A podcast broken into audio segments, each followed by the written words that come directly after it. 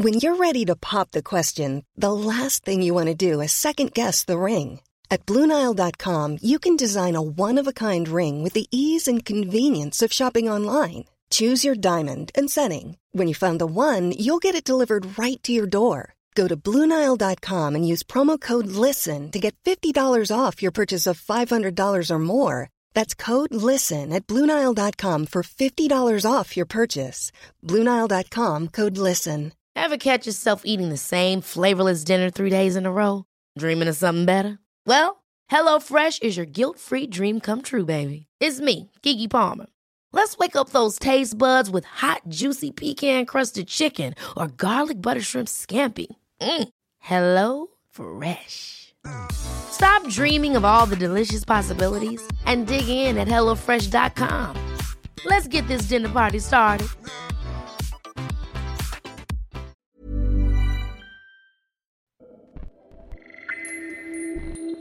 كل خلية بجسمي كانت ترجف حاسة إن أنا عايزة أخرج من جسمي. تجارب وحكايات عن الجسد والذات وما بينهما.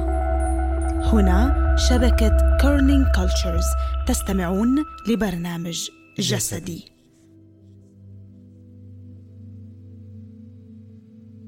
مرحبا. عم تسمعوا الحلقة 20 من الموسم الثالث من بودكاست جسدي. معكم المعنتبلي وصلنا معكم لحكايتنا الأخيرة بهالموسم وبهالسلسلة. عشرين حكاية شاركتنا إياها نساء قرروا يفتحوا قلوبهم ويحكوا. رح نختم هالرحلة الجميلة والصعبة يلي خضناها ودعيناكم تشاركونا فيها بقصة مليئة بتأملات حساسة وخلاصات فارقة. تحكي لنا إياها بطلة الحكاية آية بصوتها. آية بتعتبر إنه رواية قصتها بصوتها هو جزء أساسي من حبكة هالحكاية المستمرة والغنية. بنختم هالموسم بحكاية بتلخص وبتكثف تجارب وحكايات عن الجسد والذات وما بينهما. بشبكة كيرنينج كولتشرز ومنصة موج وعبر بودكاست جسدي. عم نتعاون لنروي قصص النساء من خلال سلسلة حكواتية وعلى لسان حكواتيات من أنحاء العالم العربي. الحكاية العشرين والأخيرة.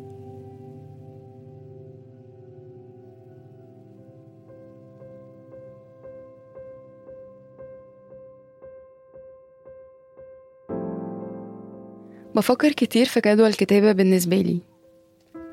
أحيانا بشكك فيها وبتباطأ عنها أحيان تانية.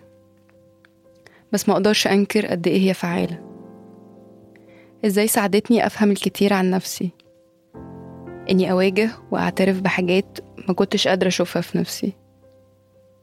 أو ما كنتش عايزة أشوفها في نفسي. كل حد فينا عنده حكايات كتير.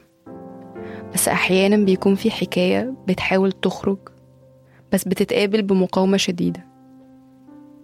ممكن تاخد سنين عشان الأجزاء المتبعترة تتجمع وتكون قصة.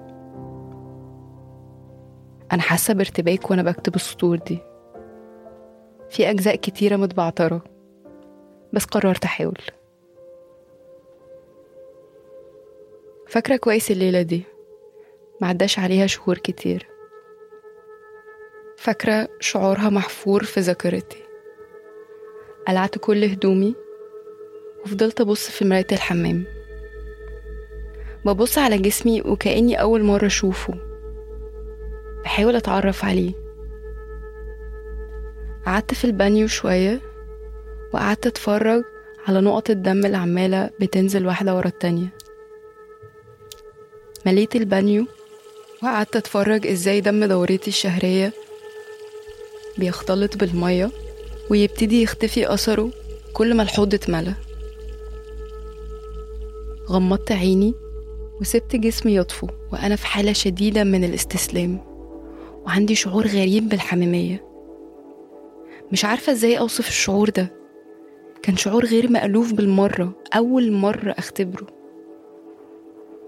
أنا وصلت هنا إزاي؟ قعدت أسأل نفسي إزاي شعور الخزي اللي جسمي شبعان منه اتبدل وبقى حميمية.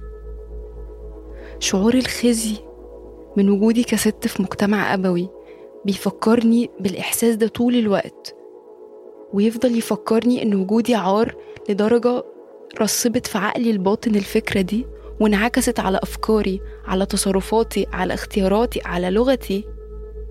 علشان ألاقي نفسي في النهاية بعيد إنتاج النظام ده وبعيد إنتاج الثقافة الأبوية السامة دي. المواجهة دي مش سهلة. وما بتحصلش مرة كده وخلاص. هي رحلة مستمرة. إزاي شعور الخزي اللي في جسمي اتبدل لحميمية معاه أنا لسه مغمضة عيني ولسه شعور الحميمية مسيطر على جسمي. قررت أداعب نفسي ووصلت لنشوة ما اختبرتهاش من قبل كده. ورجعت استرخي مرة تانية والابتسامة مش راضية تسيب وشي وسيل الذكريات ما بيقفش. افتكرت أول مرة جاتلي فيها الدورة الشهرية وشعور الخزي اللي كان مصاحبها إنه في حاجة غلط في جسمي. فاكرة كويس إزاي ماما اتعاملت معايا لما أنا قررت أقول لها. قررت أقول لها لأن أنا ما كنتش عارفة إيه ده كنتش عارفة أعمل إيه. مفروض أتعامل مع ده إزاي؟ في الحقيقة الطريقة اللي هي اتعاملت بيها معايا عززت الخزي اللي أنا كنت أصلا حاسة بيه. ما حكيتليش ابدا عن إيه الدورة الشهرية وليه بتيجي ولما تيجي مفروض أعمل إيه وليه حاسة بكل الألم ده في الجزء اللي تحت من جسمي. ما كنتش عارفة أعمل إيه. بس مع الوقت ومع السنين اتعلمت أعمل إيه؟ اتعلمت أتعامل إزاي مع ده. فهمت ليه ده بيحصل.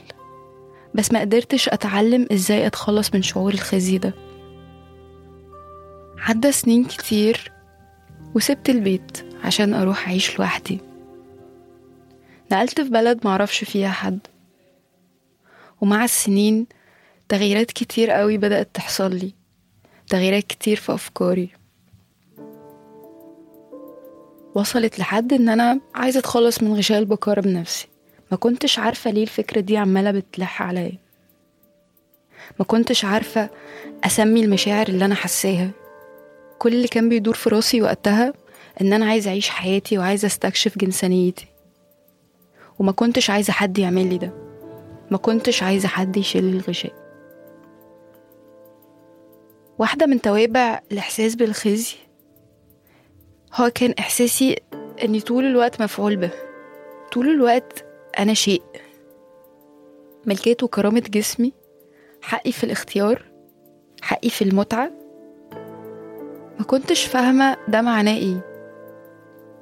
وحتى بعد ما فهمت في فرق كبير قوي ما بين إن أنا أعرف وإن أنا أمارس اللي أنا عارفاه ده. فاكرة أول علاقة جنسية كاملة؟ وفاكرة إن المحفز الوحيد علشان أخوض التجربة دي إحساس وصل لي إن أنا مرغوب فيا. بس كمان فاكرة كم الإهانة اللي حسيت بيها وطبقات الخزي اللي فضلت تتحط واحدة ورا التانية. في الليلة دي جالي نزيف وما خدتش بالي لحد ما نبهني شريكي.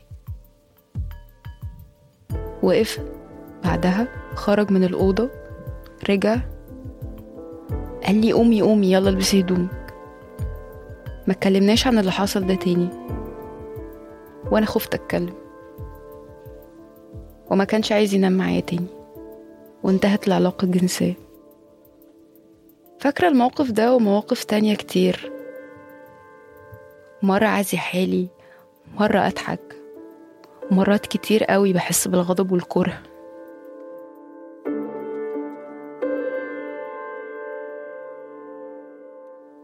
فاكرة واحدة من الليالي اللي كانت مليانة بالحزن وأنا في أوضتك. وكل اللي كان بيدور في راسي إن أنا عايزة أعمل أي حاجة أي حاجة عشان أخفف عنك التقل ده. وبعترف لأول مرة هنا برغبتي إني كنت عايزة أبوسك. وإني طلعت بسرعة بعدها من الأوضة لأن أنا ما كنتش فاهمة إيه الشعور ده والرغبة دي جت منين. دفنت الرغبة دي والذكرى دي. بس ما قدرتش أتخلص من إحساس الارتباك اللي بيجيني كل ما بتزوريني في أحلامي. كل ما الذكرى دي بتزورني في أحلامي. فاكرة بعدها بكام سنة الفكرة الغريبة اللي جاتلي وفضلت تلح عليا إن أنا أجيب ورقة وقلم وأبتدي أكتب رغباتي الجنسية. فاكرة بعدها التوتر اللي جالي ما كنتش فاهمة إيه ده. توتر لاني ما كنتش عارفة الرغبات دي جت منين. كنت خايفة قوي من نفسي من فكرة إن أنا أسيب نفسي. من أكتر من سبع سنين أنا اخترت أبدأ رحلتي للتعافي. وفاكرة التوقع الساذج إن هي تكون رحلة سلسة هغذي فضولي إن أنا أستكشف جوانب تانية من نفسي أنا مش عارفاها. هعرف نفسي أكتر. بس محدش نبهني عن قبح الألم. محدش قال لي إن أنا مش هقدر أستحمله معظم الوقت. لا أنا ولا جسمي وهبدع في إن أنا ألاقي كل الطرق إن أنا أخدره عشان ما أحسش. محدش قال لي إن أنا مش هقدر أتحمل التكلفة المادية والاجتماعية للرحلة دي. ده أصلا لو لقيت معالجة نسوية حساسة جندريا. ما بتلعبش دور المنقذة ولا بتقولي أعمل إيه. إن أنا هحس بوحدة مؤلمة. إن أنا هحس بالاغتراب وسط أقرب الناس ليا. وإن أنا هعزي كل حاجة كانت مألوفة وأولهم أنا. الدعبسة دي عشان أعرف أساس الألم ده جاي منين. أخدت وقت كتير قوي. أخدت صبر ومجهود. أخدت شجاعة. وحنية على نفسي. بس الحنية دي بالذات كانت أصعب حاجة ولسه أصعب حاجة. بس قبل كل ده كانت الموارد المادية واللي في ظل الظروف اللي إحنا عايشينها دي تعتبر رفاهية. إن أنا أخوض الرحلة دي رفاهية مش ناس كتير تقدر تمتلكها. عارفة إن الرحلة لسه طويلة. وعارفة إن شعوري الداخلي اللي اتعلمت أثق فيه هو اللي بيدفعني ويشجعني على إن أنا أكمل. أنا لسه مسترخية في البانيو. عمالة أفكر في حدة النشوة اللي وصلت لها. ونفسي إحساس هيدوم أطول المرة دي. عمالة أفكر في بانيوهات تانية ممكن تقبلني وتساعدني مع شركات تانيين. عمالة بفكر في معنى الحميمية برا إطار العلاقة الجنسية. أنا ممكن أكون مين لو أنا اتخلصت من شعور الخزي نهائيا؟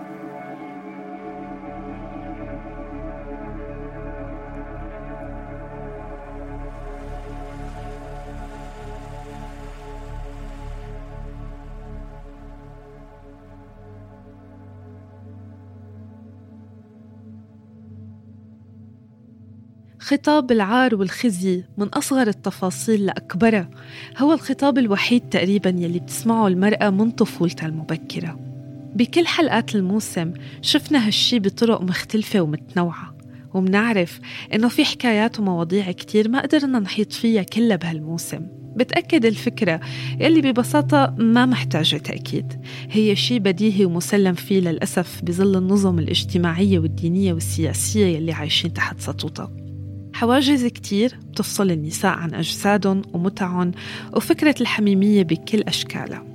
ما رح تزول هالحواجز قبل ما يصير في تطبيع حقيقي للعلاقة مع الجسد الأنثوي ضمن إطار تثقيفي صحي بيضمن تعزيز قدرة النساء على تطوير علاقة صحية مع أنفسهم وشركائهم بدون وصاية من أي حدا على الإطلاق إلا أنفسهم. للمزيد زوروا صفحة موج على إنستغرام موج منصة للصحة الجنسية والجسدية تعد محتواها نساء عربيات للنساء العربيات. شكر كتير كبير من القلب على متابعتكم حلقات هالموسم. شكر من كل فريق الإعداد.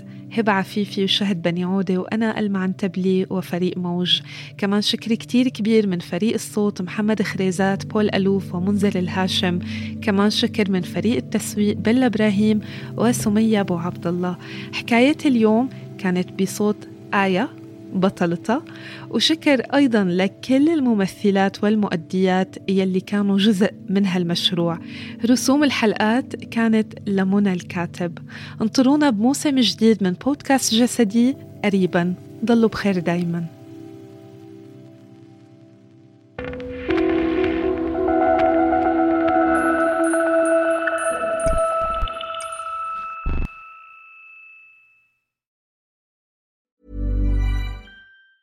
Ever catch yourself eating the same flavorless dinner three days in a row? Dreaming of something better? Well, HelloFresh is your guilt free dream come true, baby. It's me, Kiki Palmer. Let's wake up those taste buds with hot, juicy pecan crusted chicken or garlic butter shrimp scampi. Mm. Hello Fresh. Stop dreaming of all the delicious possibilities and dig in at HelloFresh.com.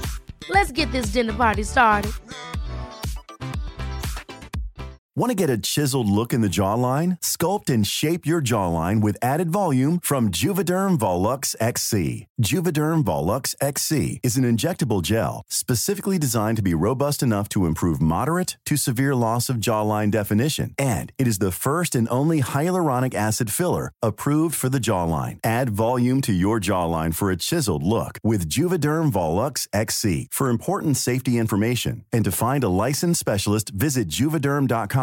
That's J U V E D E R M.com. Not for people with severe allergic reactions, allergies to lidocaine, or the proteins used in Juvederm. Common side effects include injection site redness, swelling, pain, tenderness, firmness, lumps, bumps, bruising, discoloration, or itching. There's a risk of unintentional injection into a blood vessel, which can cause vision abnormalities, blindness, stroke, temporary scabs, or scarring. Talk to a licensed specialist to find out if it's right for you. Visit juvederm.com. That's J U V E D E R M.com.